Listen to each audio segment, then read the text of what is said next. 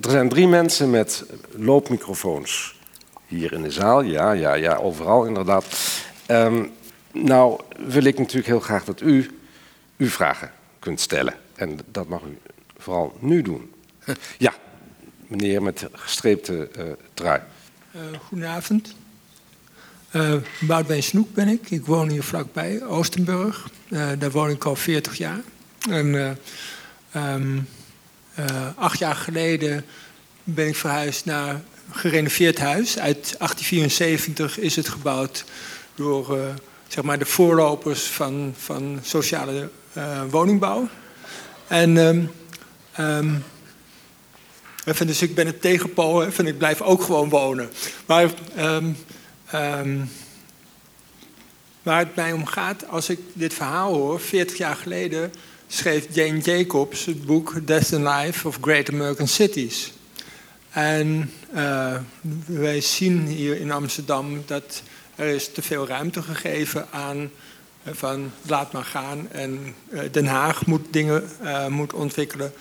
Terwijl ik ken ook mijn klassieke, dus Wieboud, samen met Kepler. Mag ik u Zij even maakte, onderbreken? Ja? Even heel kort. Ja. Ik wil zo graag dat u een vraag stelt. Precies. Ja. He, dus um, zij, zij maakten regels voor deze stad die buiten Den Haag vielen. En zij zorgden dat, van dus die, die uh, Amsterdamse school, van, we zijn er nog steeds trots op dat die Amsterdamse school er is. En van hun planning. En van, van hoe, hoe zorgen we nou dat, dat wij weer uh, de, de raadsleden en de wethouder durven in te gaan tegen Den Haag. En hier de regels stellen en zorgen dat onze stad onze stad blijft. Lijkt me een duidelijke vraag.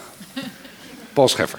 Ja, ik weet helemaal niet of wij per se tegen Den Haag moeten ingaan. Want ik zie net dat er gewoon bijvoorbeeld met, uh, met de minister van Binnenlandse Zaken een, een, een hele afspraak is gemaakt over die 230.000 woningen, noem maar op. Uiteindelijk heeft Amsterdam, de Vrijstad Amsterdam, heeft echt wel een omland nodig. En te denken dat wij los van uh, Den Haag of van een bredere uh, werkelijkheid van de Nederlandse samenleving, Nederlands bestuur hier helemaal op ons eigen houtje iets kunnen doen. Ik denk dat daar wel duidelijke grenzen aan zijn, maar ik vraag me ook af of het nodig is. Want uiteindelijk het ingrijpen bijvoorbeeld eh, om uitwassen van bepaalde vormen van deeleconomie of interneteconomie, om dat tegen te gaan, Airbnb, waarschijnlijk heb je daar toch wel of nationale regelgeving voor nodig. Ik zie in ieder geval dat stad, en daar ben ik eigenlijk wel benieuwd naar om straks ook uh, daar aan het eind nog iets van te horen, waar eigenlijk de, de, de, de waar eigenlijk het moment ontstaat dat wij hier iets willen.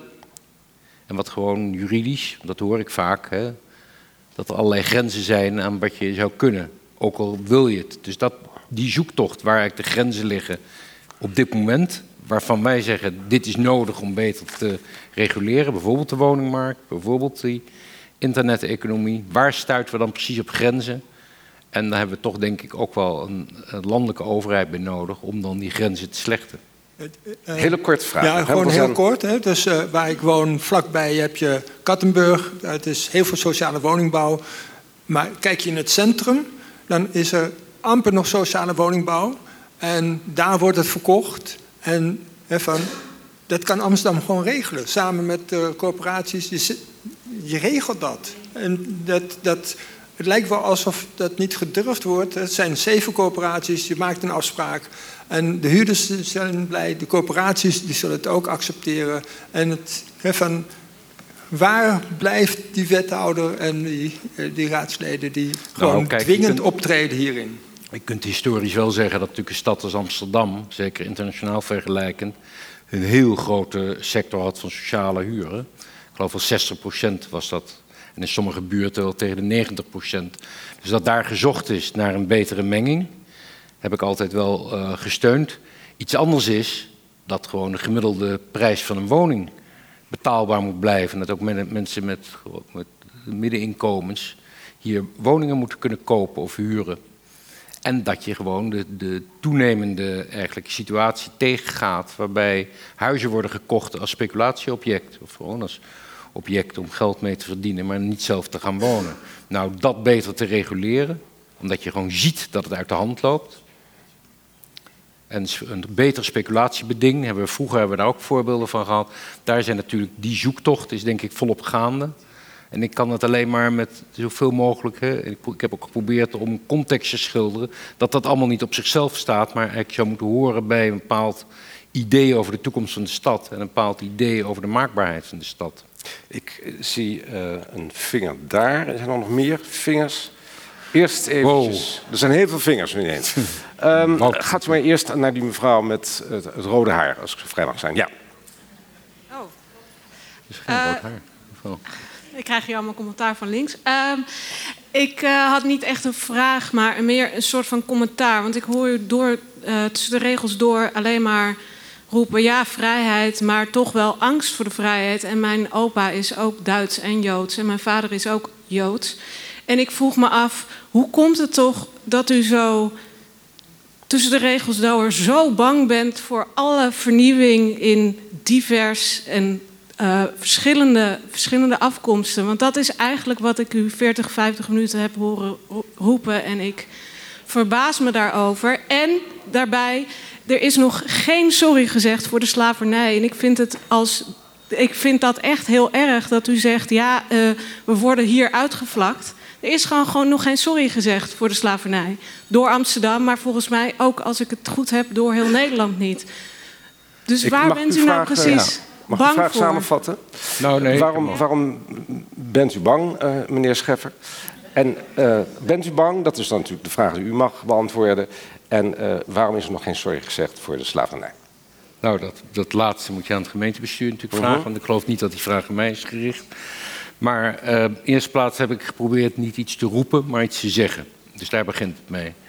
In de tweede plaats uh, dacht ik dat als je het hebt over de kwetsbaarheid van een open samenleving en het beschavingsideaal van vorige generaties, dat dat niet geboren is uit angst, maar over een reële bezorgdheid. Hoe je een open stad in condities, bijvoorbeeld waar ik het over gehad heb, hè, waar uh, de invloed van internationale geldstromen, hoe je zo'n stad open en vrij houdt en ervoor zorgt dat de segregatie waar die zich voordoet, dat je die terug kan dringen.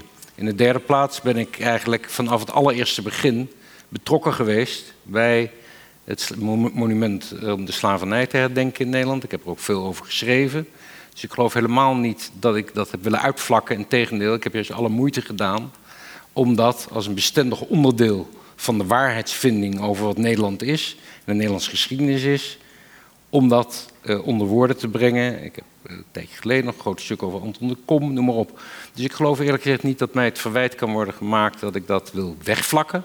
Integendeel, voor mij bestaat juist, laat ik zeggen, het inzicht in dat de vrijheid die we hier leven, is het product van een hele lange geschiedenis waar hele grote dieptepunten in die geschiedenis zitten. En als we dat niet tot ons door laten dringen, snappen we ook niet hoe kwetsbaar dat samenleven au fond is. Dus dat is niet geboren uit angst, maar meer uh, uit een historisch inzicht waar u ook naar verwijst. Namelijk steden die de slavernij mede hebben gedragen, zouden zich toch wel eigenlijk bij zichzelf te raden moeten gaan als ze met vanzelfsprekendheid in hun vaandel tolerantie en vrijheid voeren. Dus ik heb naar een ander deel van die geschiedenis willen verwijzen, namelijk naar de collaboratie, naar uh, hoe er is omgegaan in het neutrale Nederland met mensen die tegen Hitler opstonden. Dat is weer een ander voorbeeld. Ik had ook kunnen wijzen op de manier waarop Belgische vluchtelingen in de Eerste Wereldoorlog in Amsterdam werden opgevangen. Ook niet een toonbeeld van barmhartigheid. Dus kortom, juist als je wil begrijpen waarom dit zo'n lange strijd is om de vrijheid, die telkens opnieuw vorm moet krijgen, dan begrijp je eigenlijk waarom het belangrijk is om over die geschiedenis te blijven spreken. Daarom is het helemaal niet mijn intentie geweest, ook niet vanavond, maar ik denk iedereen die daar open-minded naar geluisterd heeft, dat ook heeft gehoord. Dat ik juist zei, het gaat er niet om, om uitvlakken of uitgevlakt te worden, maar juist om al die lagen van de geschiedenis tot ons door te laten dringen. Ik kijk nog even naar uh, vingers. Uh, er zijn, als u, ja, ja, de meneer met wat, ik, het is een, met een sjaal of een trui om de nek, ja. Ja, dank u wel. Uh, ik heb een vraag aan uh, professor Scheffer en indirect aan de burgemeester.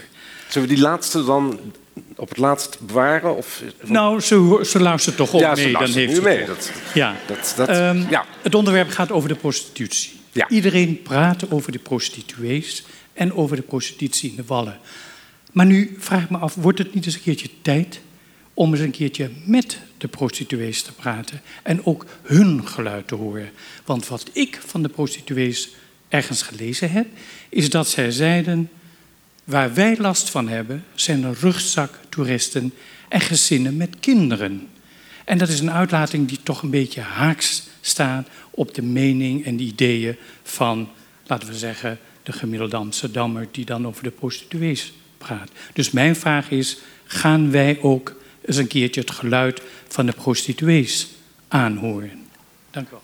Ja, mij lijkt dat uh, bijna vanzelfsprekend dat je dat natuurlijk uh, bijna als uitgangspunt neemt. Alleen, uh, ik denk dat de realiteit van de stad is, en dat denk ik niet alleen, maar als je een beetje ziet wat er over vrouwenhandel wordt geschreven, ehm, de ernst daarvan. Als je ook ziet hoe er in andere landen nu keuzes worden gemaakt die toch wel veel meer gaan, ook, ook in de richting van het proberen terug te dringen en in ieder geval niet het zo te normaliseren als wij hebben geprobeerd. Er zijn allerlei antwoorden op mogelijk, maar dat de ervaring van degene die hier in dit soort prostitutienetwerken geëxploiteerd worden. En misschien ook de enkele die dat wel uit vrije wil doen, maar ook vrije wil zou ik hier ook nog wel een vraagteken mee willen stellen. Wat dan precies de vrije wil is van iemand die zijn eigen lichaam verkoopt. Daar kan je ook nog een vraagteken bij stellen. Maar goed, um, ik vind in ieder geval wel de vanzelfsprekendheid waarmee wij ook het beeld van Amsterdam internationaal hebben laten bepalen door raamprostitutie.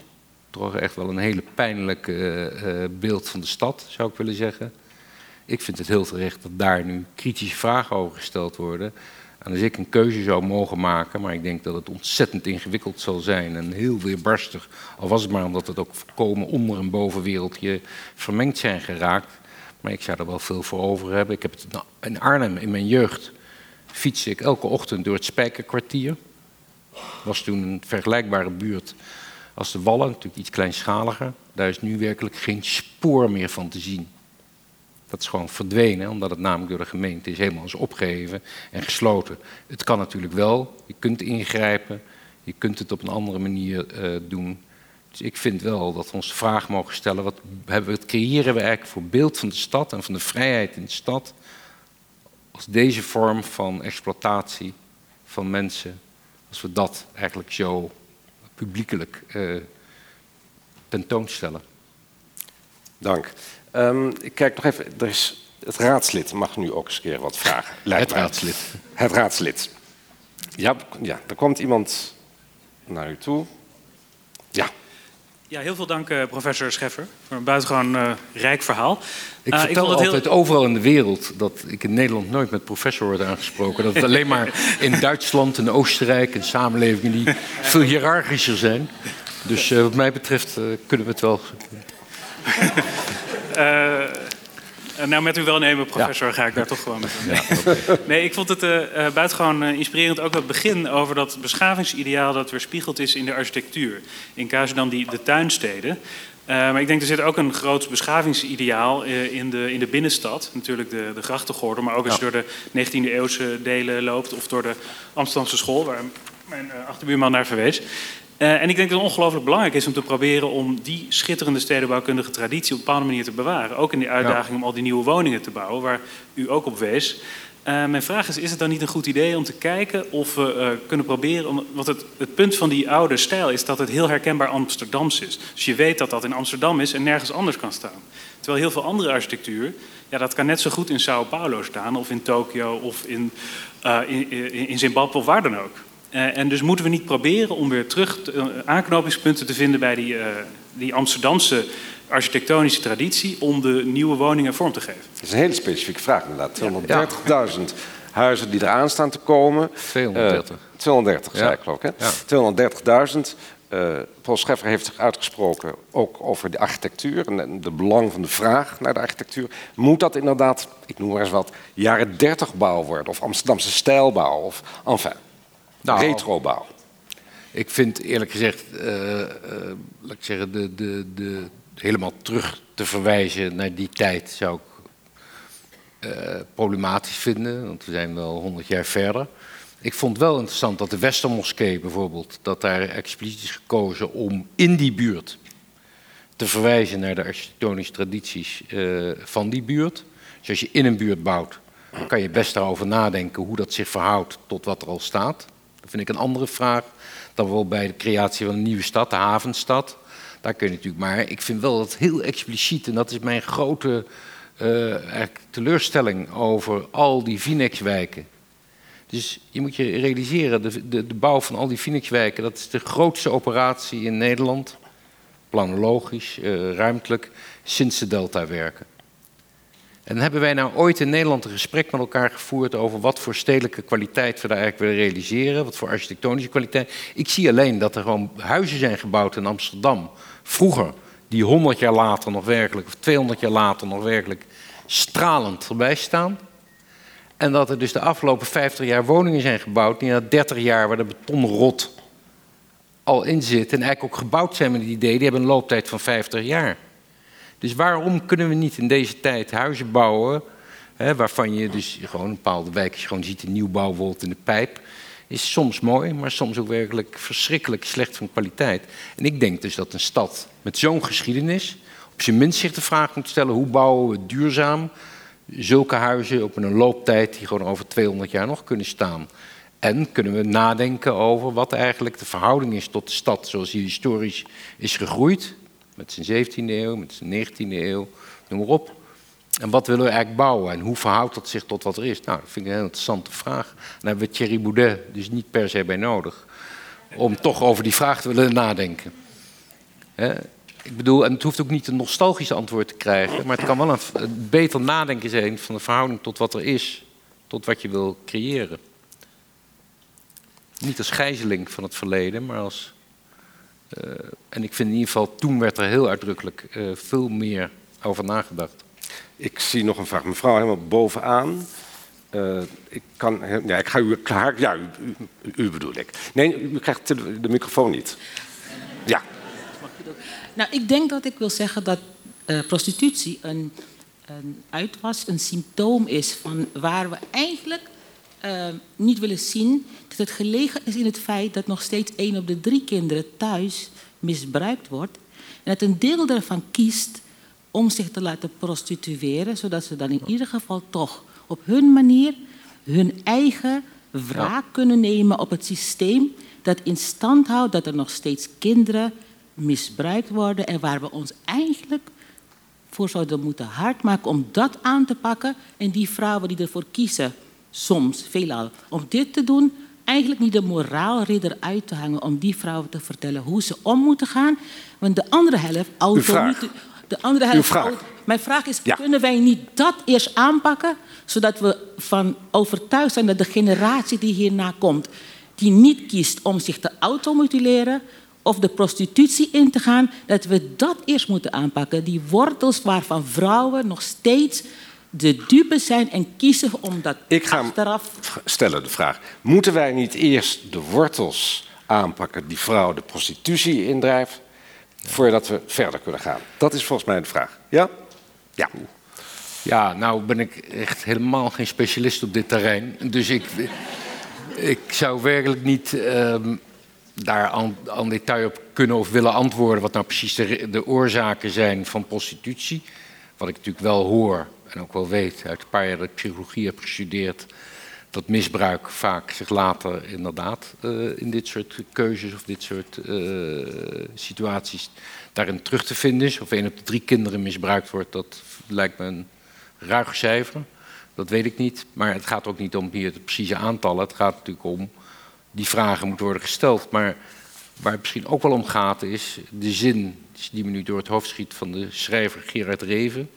Die zei: Het probleem is niet dat het kwaad bestaat, maar het probleem is dat het kwaad naar erkenning streeft. En misschien is het probleem wel dat uh, als mensen zeggen uh, prostitutie, ja, is van alle tijden, oudste beroep ter wereld enzovoort, we kennen de zinnen. Dat gewoon de morele verwarring die ontstaat in een samenleving, die om de vrouwen te beschermen zegt we moeten het normaliseren, maar eigenlijk dus daarmee ook iets legaliseert wat moreel zeer betwistbaar is. Dus dat is het probleem met onze gedoogcultuur ook. Dat je vaak stappen zet in de normalisering om iets beheersbaar te maken, maar daarmee tegelijkertijd eigenlijk een enorme morele verwarring. Want iets kan misschien wel legaal zijn toegestaan, maar toch moreel ten diepste betwijfeld worden. Nou, de vraag of je dat heel lang kunt volhouden, die twee, naast elkaar. Dus ik vind wel dat de normalisering van de prostitutie, hoewel ik wel begrijp wat de drijfveer erachter was, van het bestaat en je kunt het beter reguleren dan het maar uh, ondergronds laten gaan. Nou, je voelt wel hoe iets wat geboren was uit een idee om de vrijheid te beschermen, heel makkelijk na zoveel jaar kan omslaan in een nieuwe onvrijheid. Daarover na te denken vind ik een hele terechte vraag. En die kun je niet alleen maar beantwoorden met de zoektocht naar waar, komt het, waar liggen de oorzaken, maar ook wel te kijken naar wat zijn de uitingsvormen in het hier en nu. Een andere vraag graag. Um, helemaal achterin, mevrouw blond haar, rode lipstick, bril. Ja.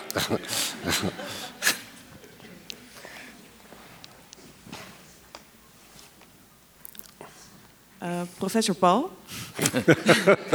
Uh, U sprak over de deeleconomie en hoe het reguleren van deregulerende organisaties eigenlijk vooral problemen oplevert. Maar daarna zei je ook in een bijzin dat het ook veel interessants kan opleveren voor de ja. stad. Hebt u daar een voorbeeld van of een idee? Ja, ik zie bijvoorbeeld, er zijn mensen die, uh, dat hadden we ook in het kader van het Amsterdam 750 jaar, heel veel projecten, bijvoorbeeld op het gebied van mobiliteit, met uh, fietsverhuur, noem maar op. Er zijn natuurlijk allerlei hele concrete, werkelijk kleinschalige toepassingen. Of het verzorgen van uh, kleinschalig creëren van maaltijden die in een buurt worden uh, gedeeld. Noem maar op. Je kunt natuurlijk op duizenden manieren, waar, zoals het oorspronkelijk bedoeld was, kun je dingen tot stand brengen in een stad.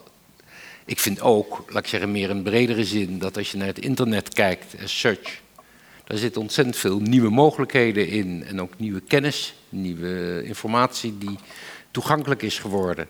En iedereen begrijpt tegelijkertijd dat als je Google niet beter reguleert en misschien wel opbreekt, dat het gewoon een informatiemonopolie wordt, wat uiteindelijk zich steeds meer keert tegen de vrijheid.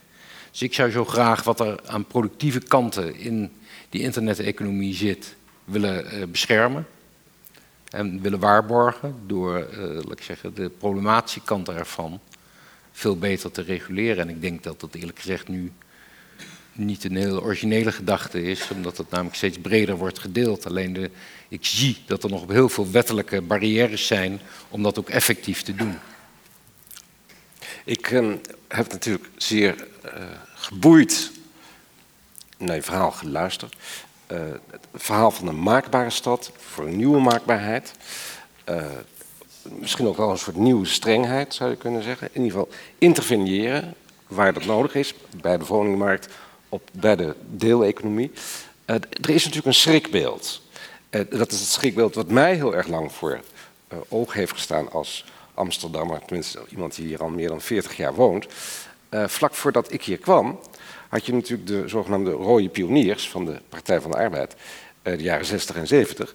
Die waren enorm van de maakbaarheid. En als het aan hen had gelegen, dan had de Nieuwmarkt niet meer bestaan en waren alle uh, grachten gedempt. Dat, dat is, was natuurlijk ook enorm de maakbare stad. Ik, dit ja. is een andere tijd, maar goed, het is een schrikbeeld wat ik niet helemaal wil vergeten. En de vraag is dan, hoe kunnen we zoiets naars vermijden? Ja, door in de eerste plaats deze rode pioniers. Ik weet niet of ze zichzelf zo noemen. Rode ingenieurs. Of ingenieurs. Ja, rode ingenieurs. Ja, het ingenieurssocialisme. Nou, ja. mijn grootvader, hoewel die eerlijk gezegd heel erg uh, onpartijdig was. Hij heeft zelfs nog met de hoofdredacteur van de Groene, Kernkamp... hebben ze in 1928 meegedaan aan de gemeenteraadsverkiezingen... met de lijst onafhankelijke uh, partijlozen. Nou ja, de Groene Amsterdammer was ook wel een fellow travelers organisatie. Nou, Ga verder. Toen was er nog geen Koude Oorlog, hè, 1928. Maar goed. Maar um, nee. Uh, dus hij stond ook wel in die traditie van de maakbaarheid. Maar natuurlijk, alles kan doorschieten. Maar uh -huh. ik heb eerlijk gezegd het gevoel dat we 30 jaar relativering van maakbaarheid achter de rug uh -huh. hebben.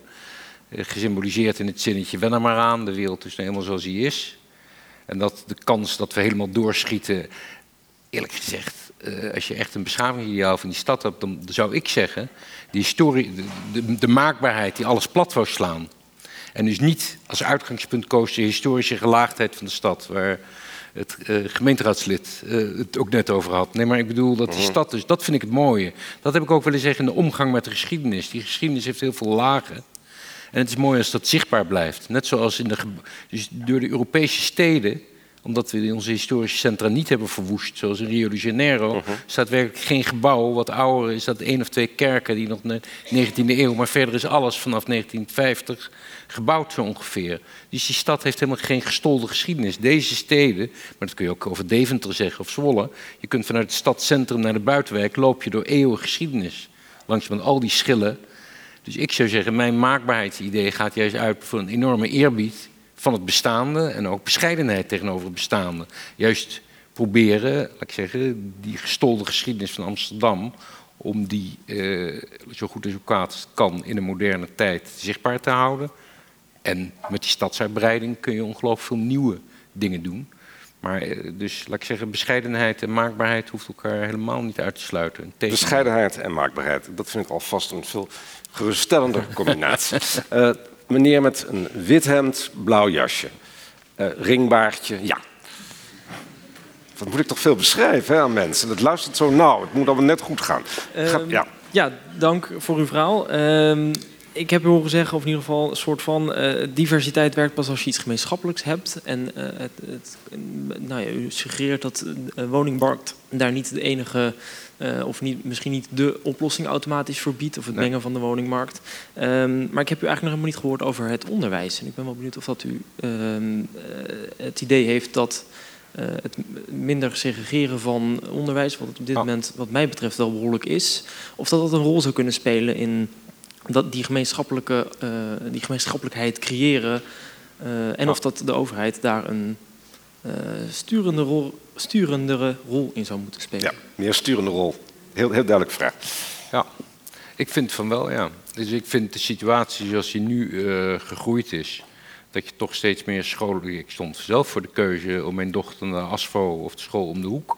En de school om de hoek was eigenlijk helemaal, wat we nu noemen, onelegant een zwarte school. ASFO helemaal een witte school. Ja, voor zo'n keuze wil je eigenlijk niet geplaatst worden.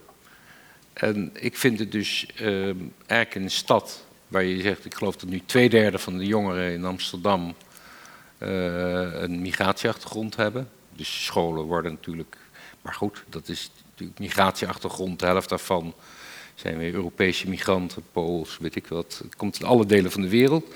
Maar ik vind wel dat, uh, ook wat dat betreft, zou ik wel willen nadenken over de manieren om die segregatie met meer engagement tegen te gaan. Maar los daarvan ook beter te kijken naar wat wil je in het onderwijs overdragen. Dus wij hebben het onderwijs natuurlijk een voorbereiding op een beroepspraktijk. Maar als het goed is ook een voorbereiding op een burgerschapspraktijk. En ik zie op heel veel scholen gewoon een soort van vooral normatieve onzekerheid. Wat kun je eigenlijk aan kinderen voorhouden? En ik zou dus eigenlijk simpelweg zeggen, als we het over de vrijheden hebben, daar ben ik niet aan toegekomen in mijn uh, verhaal, maar zou ik zeggen de notie van wederkerigheid. Dus we zijn ontzettend goed in het aanleren van rechten. Maar de duurzaamheid van die rechten kan alleen maar gewaarborgd zijn als mensen ook de verantwoordelijkheid willen accepteren om rechten voor anderen met wie ze het fundamenteel oneens zijn te willen waarborgen. Dus laat ik zeggen, die wederkerigheid van rechten en verantwoordelijkheid. Uh, bijvoorbeeld waar het over de godsdienstvrijheid gaat. Ja, Mensen hebben hier het recht om goden te aanbidden, maar mensen hebben ook het recht om goden te verwerpen. En hebben we nu een cultuur, en daar twijfel ik zeer aan, want ik zie de vervreemding aan alle kanten, hebben we een cultuur waarin zowel het recht op godsdienstvrijheid wordt gewaarborgd, als het recht op godsdienstkritiek wordt gewaarborgd, waarbij zowel het recht op godsdienstvrijheid onder woorden wordt gebracht, maar ook de verantwoordelijkheid van gelovigen en ongelovigen om de vrijheid van mensen met een andere opvatting te willen waarborgen. Nou, uh, we zijn goed in het formuleren van rechten, maar we zijn erg slecht in het onderhoud van een burgerschapscultuur die ook iets te maken heeft met de verantwoordelijkheid voor anderen. Nou, daar een beetje meer over na te denken hoe je dat in het onderwijs uh, waarborgt. Wat zijn de verhalen die we vertellen? En dan nogmaals, daar horen dus ook de verhalen juist bij, waarin je leert hoe kwetsbaar de vrijheid in die Amsterdamse geschiedenis, in de Nederlandse geschiedenis is geweest. Niet om een cultuur van angst uh, te propageren, maar juist om een engagement, een gevoel van verantwoordelijkheid te sterken. Want die, die vrijheden kunnen worden uitgewoond. Je zei, uh, je wil echt niet voor zo'n keuze staan. Dochter naar een school in de hoek of Asfo, dus op ja, het Dus ik heb uiteindelijk mijn dochter naar het Nicolaas Lyceum gestuurd. Een gemengde school, waar het inderdaad ongeveer de afspiegeling van de stad was. Daar voelde ik mij wel uh, thuis bij. En dan zie je wel, als je daar dan kind gaat halen, tijdens de lunchpauze, een tafel met kinderen met een Marokkaanse achtergrond, een tafel met kinderen met een Chinese achtergrond. Ik bedoel, het is niet zo makkelijk, hè? Het wordt wel makkelijk gezegd, ja, die jongeren die groeien op en samen die, die, die zien dat allemaal niet. Nee, op een bepaalde leeftijd zie je dus toch. En daar is een inspanning voor nodig. En er is ook een inspanning tussen scholen in Amsterdam voor nodig. Dus waarom, als die scholen al nu zo zijn als ze zijn, waarom doen we niet veel meer dingen gemeenschappelijk? Sporttoernooien, gemeenschappelijke, uh, weet ik veel, werkstukken maken. Het is natuurlijk ongelooflijk. Excursies. Je kunt natuurlijk duizend dingen doen om kinderen met elkaar gewoon in aanraking te brengen. Niet dat ik daar alle heil van verwacht of denk dat gaat allemaal automatisch. Maar je voelt wel dat dus het onderhoud van de vrijheid, het onderhoud van een stad die niet gesegregeerd wil zijn, helemaal niet uh, alleen maar een vanzelfsprekendheid is. Je zei eh, op het einde van je lezing, ik had het eigenlijk nog willen hebben over de omgang met religie in het publieke domein. Ja.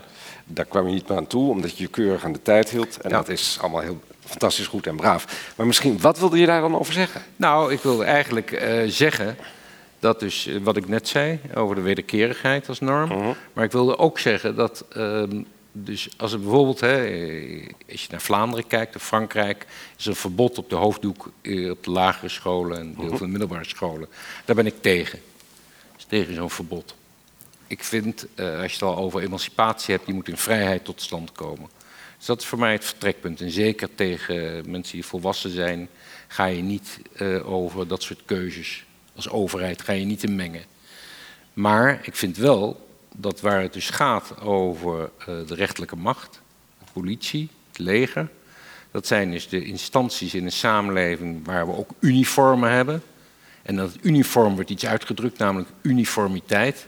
In dat uniformiteit wordt namelijk de achtergrond van mensen onzichtbaar gemaakt.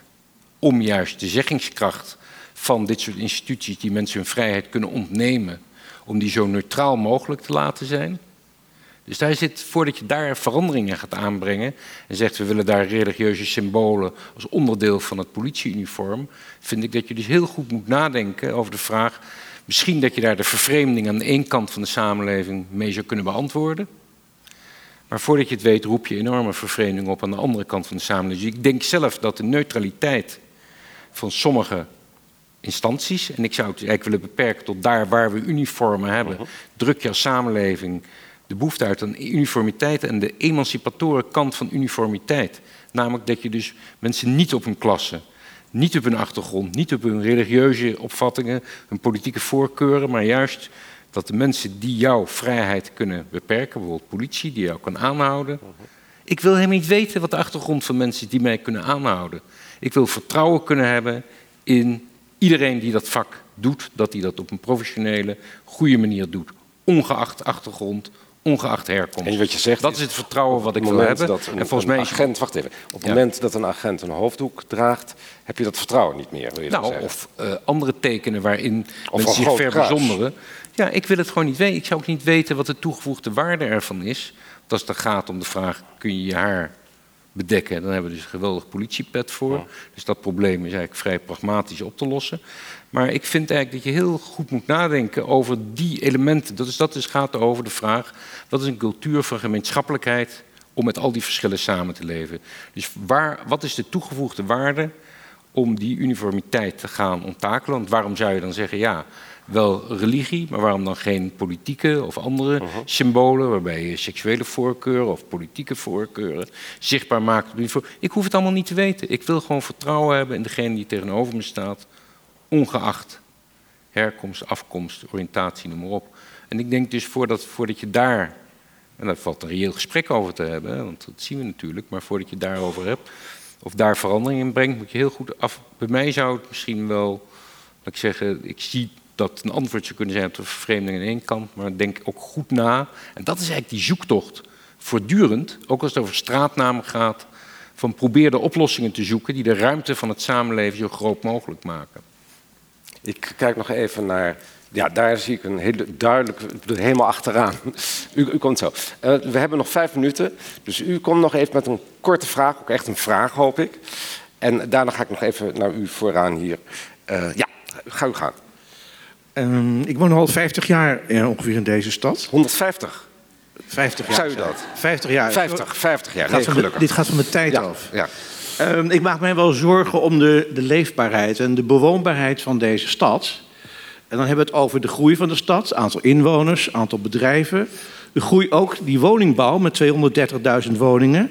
De voortgaande groei van het toerisme. We gaan binnen 10 jaar misschien wel naar 30 miljoen toeristen. En eh, als je dat dan relateert aan de de lokale of de economie, de neoliberale economie, waar sprake is ook van heel veel monocultuur, van toeristenwinkels, et cetera.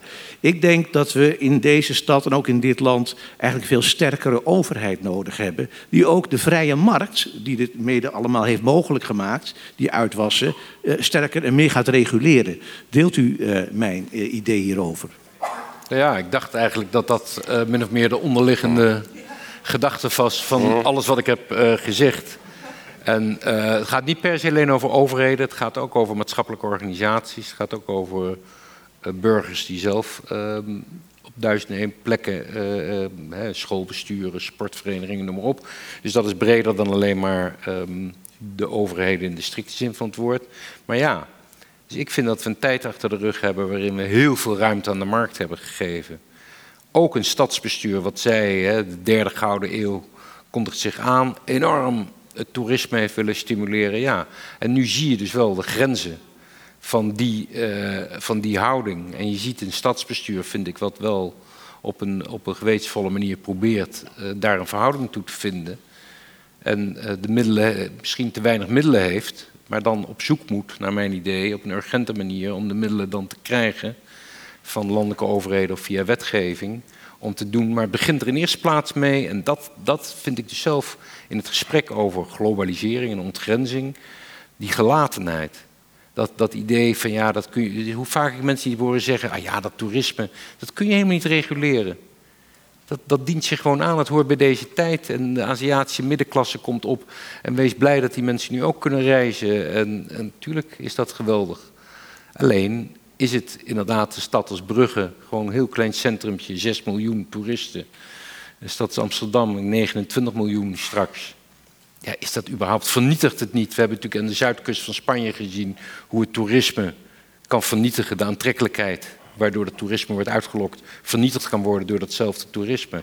Nou, dat is gewoon een hele reële vraag voor een stad als Amsterdam. En dat heeft niks met vertrutting of benepenheid of onvrijheid te maken. Dat is juist het bewustzijn dat zo'n type stad met zo'n toch fragiel historisch centrum, dat dat wel enige bescherming behoeft. Niet om de vrijheid te, knevelen, maar juist om de vrijheid te verduurzamen in deze stad. Mooi antwoord, dus... dank u wel.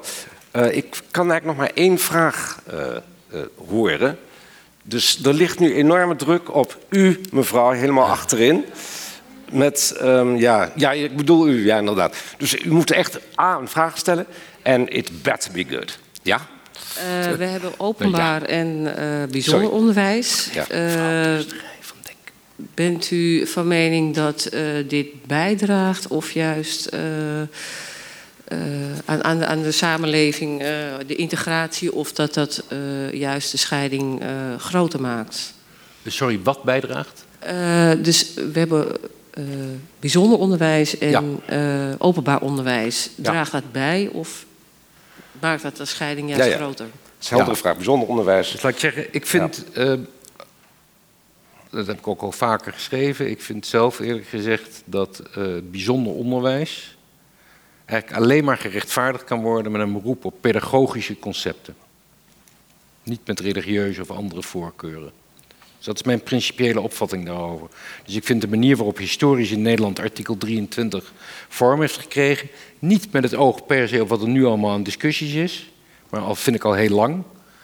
Namelijk dat onderwijs wil niet in het verlengde liggen van de preferenties van ouders, maar wil juist de horizon van kinderen verbreden. Dat is de doelstelling van het onderwijs. En ik vind dus eerlijk gezegd dat onderwijs wel kan concurreren op basis van pedagogische concepten, Montessori of noem maar op, duizend dingen. Maar laat ik zeggen, die geschiedenis in Nederland, die ik historisch wel kan duiden, van uh. Ik vraag me af of die uh, nu, uh, toch alweer een, een eeuw later, of die nog steeds goede antwoorden geeft. Dus ik zou echt dat gesprek in Nederland willen voeren, maar dan op een principiële manier. En wat we nu doen, is het onderwijs, het islamitische onderwijs, speciaal proberen extra te reguleren en terug te dringen. Dat gebeurt natuurlijk in de praktijk. Hè. Dus eigenlijk wil men de consequentie van een grondwettelijk recht niet ten volle leven. Dat vind ik de allerslechtste manier om het te doen. Dat is een vorm van ongelijke behandeling. Dus als je, laat ik zeggen, het gesprek aan wil gaan over wat bijzonder onderwijs is in een zo geseculariseerd land. En heel veel bijzondere scholen zijn natuurlijk alleen nog maar in naam bijzonder, maar eigenlijk de facto volstrekt geseculariseerd. Dan zou ik dat gesprek wel aan kunnen. Ik bedoel, ik heb het gewoon gezien op de universiteit waar ik zelf heb gestudeerd, Katholieke Universiteit Nijmegen. Niet dat ik zelf katholiek ben opgegroeid, helemaal niet. Maar dat is een universiteit die nu ook zijn naam heeft veranderd in Radboud Universiteit, omdat je internationaal als katholieke universiteit toch niet helemaal meer als uh, verlicht wordt waargenomen. Dus je hebt een naam veranderd. En eigenlijk is er helemaal niets meer in de universiteit dat ook maar iets te maken heeft met die geschiedenis. Ja, een herinnering, verleden, interessant genoeg, van katholieke emancipatie. Dus dat principiële gesprek vind ik dat we in Nederland wel met elkaar kunnen voeren, maar dan ook echt voor iedereen. En mijn ideaal zal wel zijn scholen waarin kinderen hun horizon verbreed wordt. En waar ze dus ook godsdienstonderwijs krijgen, alle kinderen. Maar dan gewoon als onderdeel van cultuurgeschiedenis, maatschappijgeschiedenis, noem maar op. Omdat godsdienst een heel erg essentieel onderdeel is van, van onze samenleving en van onze geschiedenis. Ik hoor dus helemaal niet bij de mensen, ook al zou ik dus pleiten voor een kritisch debat over artikel 23, die denken dat de samenleving opener wordt naarmate mensen minder geloven. Ik heb altijd gedacht van geloof, gelovigheid is onderdeel van een open samenleving. Het gaat erom hoe gelovigen of ongelovigen met hun geloof of ongeloof omgaan. Beroep je zich op een, op een waarheidsmonopolie of zien ze dat ze onderdeel zijn van een pluriforme samenleving? Dat laatste zou ik willen verdedigen, maar ik ken genoeg ongelovigen die in hun ongeloof minstens even onverdraagzaam zijn als sommige gelovigen. Goed. Uh, dank u wel. Dank u wel voor al uw vragen. Ja, ik had u beloofd nog. Na laatst komt een allerlaatste vraag. U mag de allerlaatste vraag stellen. Ik hoop dat die kort is en ook echt een vraag. Nou ja. Een string. Ja, Goeiedag.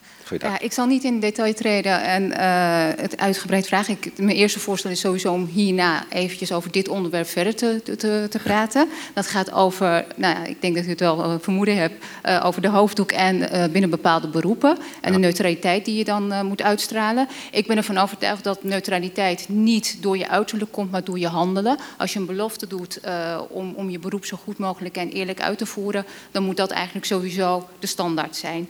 Uh, wat betreft de uniformiteit, ja, voor mij is uniformiteit niet, ook niet duidelijk. We zijn allemaal mensen, dus dat is onze uniformiteit. En ik wil ook herkenningspunten zien in uh, de rechterlijke macht, in de politiemacht.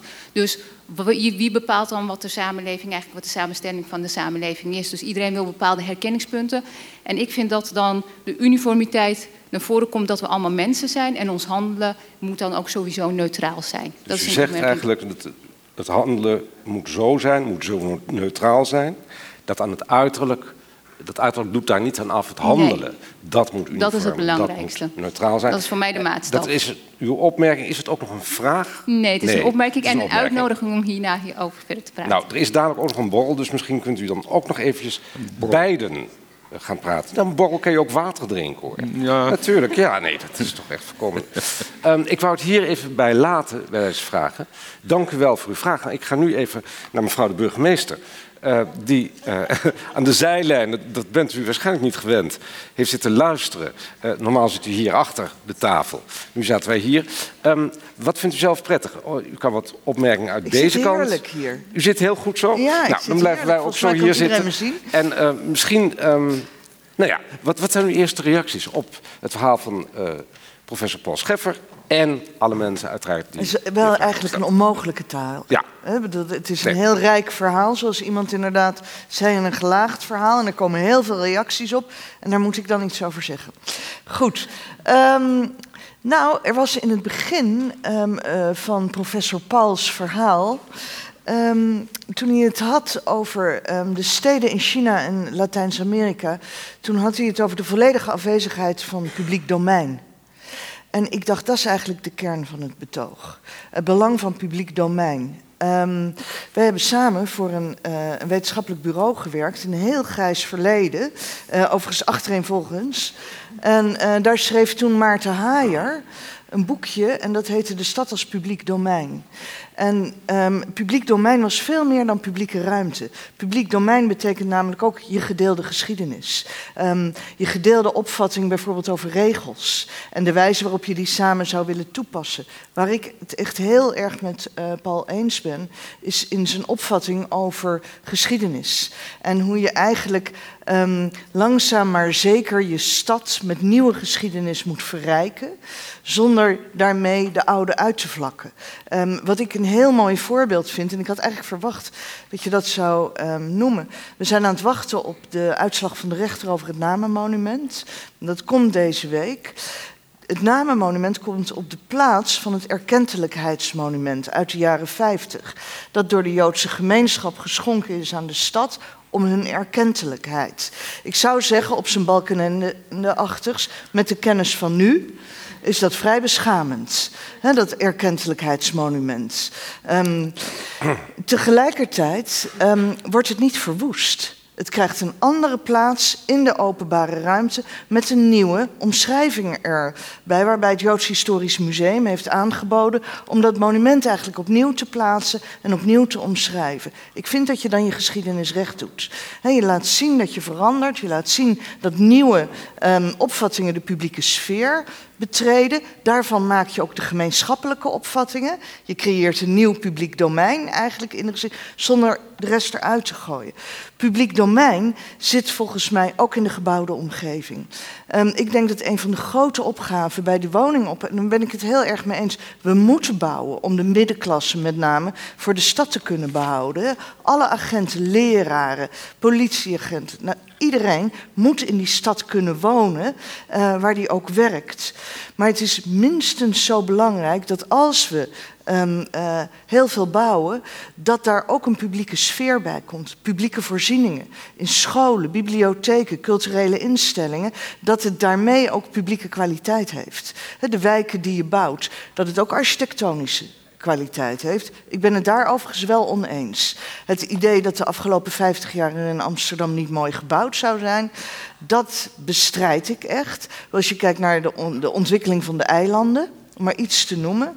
Dat vind ik, dat is stedenbouwkundig, planologisch, maar ook architectonisch interessant. Zoals we ook eerder in onze geschiedenis, bijvoorbeeld in jouw geliefde pijp, voorbeelden hebben van revolutiebouw die eigenlijk het daglicht niet verdraagt.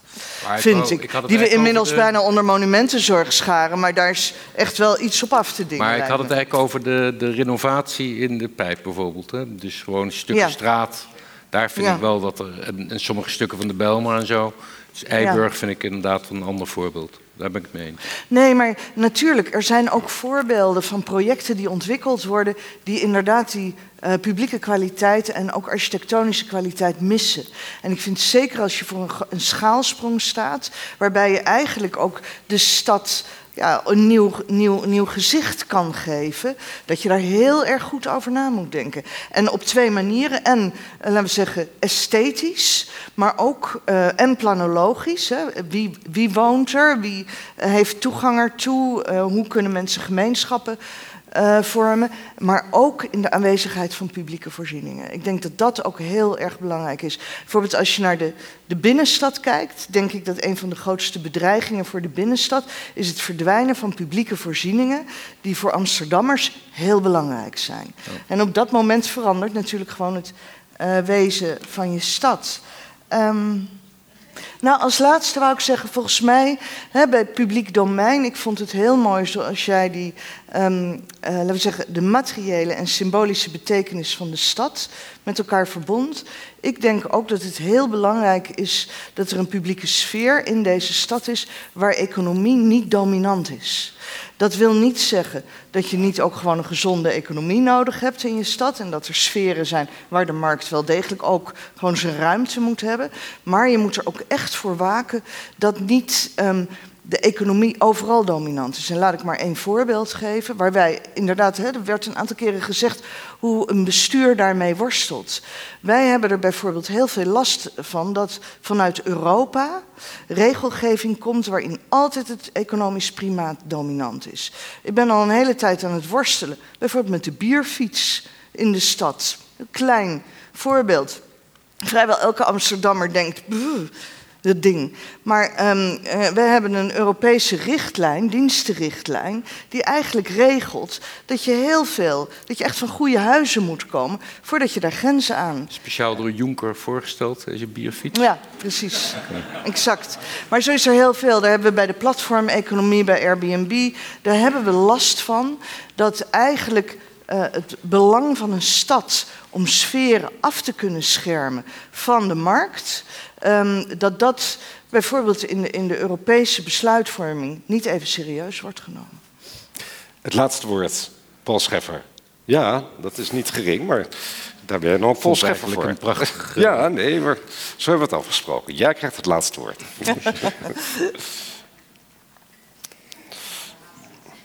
Ja, daar overval je me mee, want ik was eigenlijk uh, erg onder de indruk van uh, alle vragen en wat ik gehoord heb. En ik heb eigenlijk helemaal geen behoefte om daar nog een, weer nog een strik omheen te draaien. Ik ga ook niet proberen jouw vrijheid aan te tasten. Dus als je zegt, ik, uh, het is mooi geweest, ja. dan is het laatste woord toch aan jou geweest, maar stiekem aan, aan mevrouw de burgemeester.